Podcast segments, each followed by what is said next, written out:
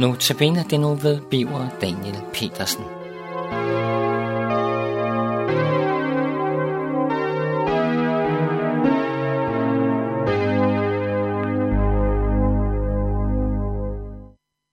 Det ord, som vi skal, vi skal se på i dag, det finder vi så i Apostlenes Gerninger 4.12, hvor apostlen Peter siger noget overordentligt vigtigt om menneskers, og dermed om dit og mit forhold til Gud.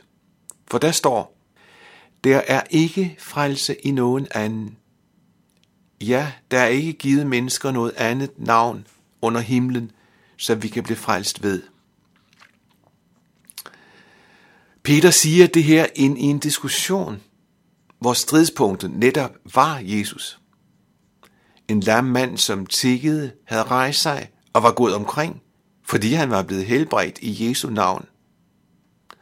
Og det undersamlede naturlig nok mange tilskuere og nysgerrige, som fik apostlen Peter til at fortælle om Jesus. Og det kunne de åndelige ledere ikke klare. De blev fortørnede, står der, fordi Peter prædikede om Jesus og om standelsen fra de døde. Dagen efter blev de så forhørt, Peter og Johannes, som havde været sammen, da det skete. Og Peter bruger anledning til at sige noget væsentligt, ikke bare om Jesus, men om den virkelighed, som har at gøre med menneskets forhold til Gud. Og hvad Gud har tænkt om det, med at få fred med ham, eller skal jeg sige, om det at være på plads i forhold til Gud. Han siger, Jesus er den sten, som blev vraget af jer, bygmestre, men som er blevet hovedhjørnestenen. Det er et citat fra Gamle Testamentet, som de jødiske ledere kendte særdeles godt.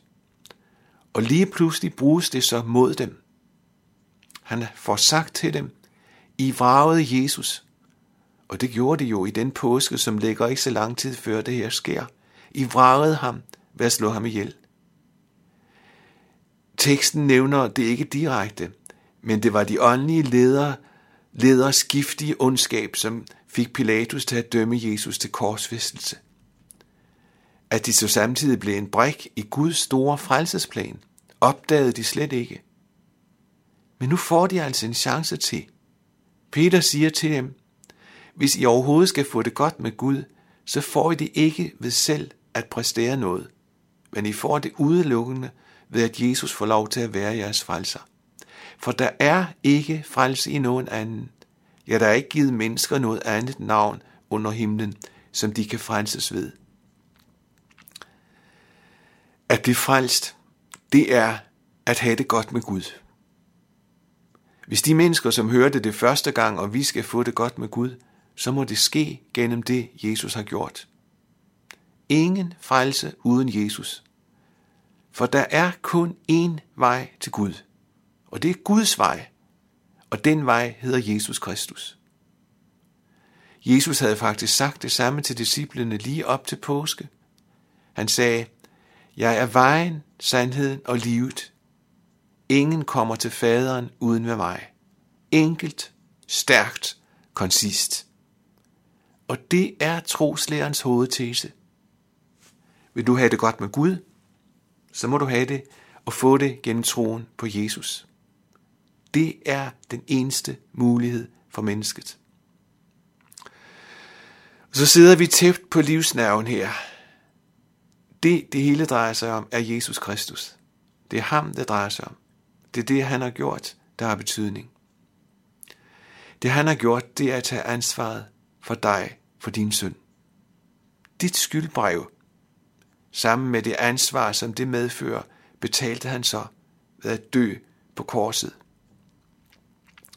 Netop menneskets forhold til den sande skiller vandene. Der er mennesker, som ikke vil have med Jesus at gøre. De kommer til at møde Gud, som de er, med deres skyld og vantro og ubetalte regning hos Gud. Og det går dem evigt galt. Jeg ved ikke, om du hører til dem, som ikke ønsker, at Jesus skal være din falser. For er det sådan for dig, så må du vide, at du er på gal vej. Og modsat, ønsker du, at Jesus skal være din frelser, så skal jeg hilse dig fra ham og sige, at han tager ansvaret for din synd og betaler din gæld hos Gud. Ved du hvad? Det er en virkelighed, som man kan leve på og dø på. Det er noget, der holder i tid og evighed. Der er ikke frelse i nogen anden. Ja, der er ikke nogen anden navn under himlen, som vi kan frelse, blive frelst ved. Og jeg vil gerne udfordre dig på denne virkelighed, ligesom Peter gjorde i forhold til folkets ledere, ypperste præsten og dem, der ellers var med. Vi ved ikke, om nogen af dem, som vendte, om nogen af dem vendte sig til Jesus og fik frelsen i eje. Kan hende, at de eller vil satse på sig selv og klare deres liv efter Guds regler og anvisninger, så det godt de kunne, og så håbe på Guds nåde derudover. Men det holder ikke. Jesus og det han har gjort, det er den virkelighed, som bærer. Og den bærer helt ind foran den hellige Gud. Og det Jesus har gjort, det er nok til at blive frelst. Det må du have lov til at tro. Amen.